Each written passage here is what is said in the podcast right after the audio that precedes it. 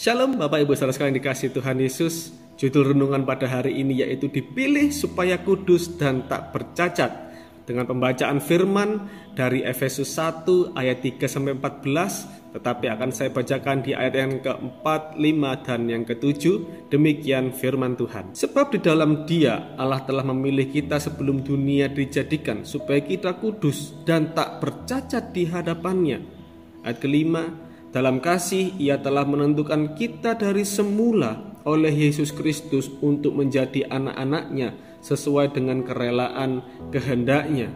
Ayat yang ketujuh, sebab di dalam dia dan oleh darahnya kita beroleh penebusan yaitu pengampunan dosa menurut kekayaan kasih karunia-Nya.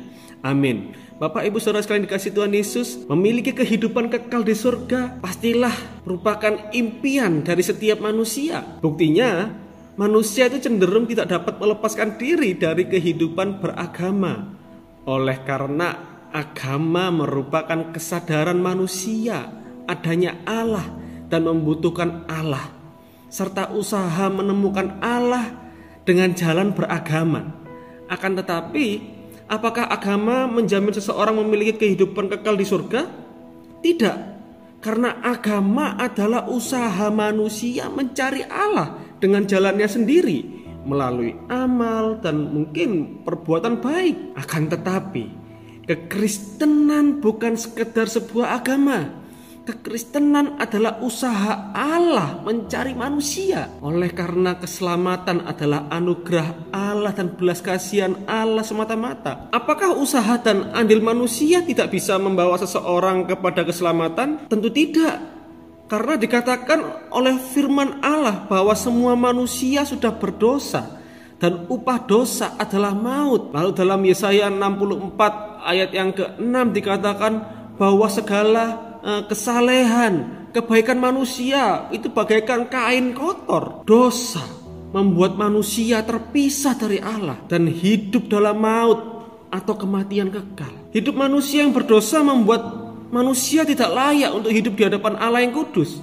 Tetapi oleh kasih karunia Allah dalam iman kepada Kristus, Allah memilih kita yang berdosa ini ia memilih dan menetapkan orang percaya sebelum menciptakan alam semesta. Pilihan ini lahir hanya oleh karena kasih karunia-Nya dan terwujud karena Yesus melakukan karya penyelamatan dan penebusan bagi saya dan saudara. Dia memilih dan menganugerahkan keselamatan untuk suatu tujuan, yaitu agar umatnya kudus dan tanpa cacat celah, yaitu tidak lagi hidup sia-sia dalam kecemaran dosa karena telah diubah Tuhan menjadi orang-orang kudus. Maka hidup orang pilihan seharusnya mencerminkan kemuliaan Tuhan yang telah memilih dan memilikinya penuh.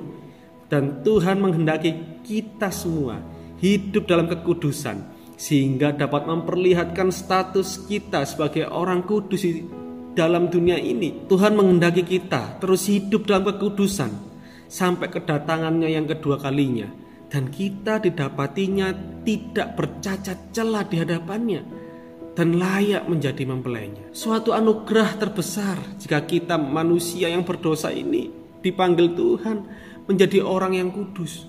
Oleh karena itu, kita sudah diselamatkan dan ditebus harus memperjuangkan hidup dalam kekudusan sebagai respon kita atas kasih Allah yang telah menjadikan kita orang-orang yang kudus.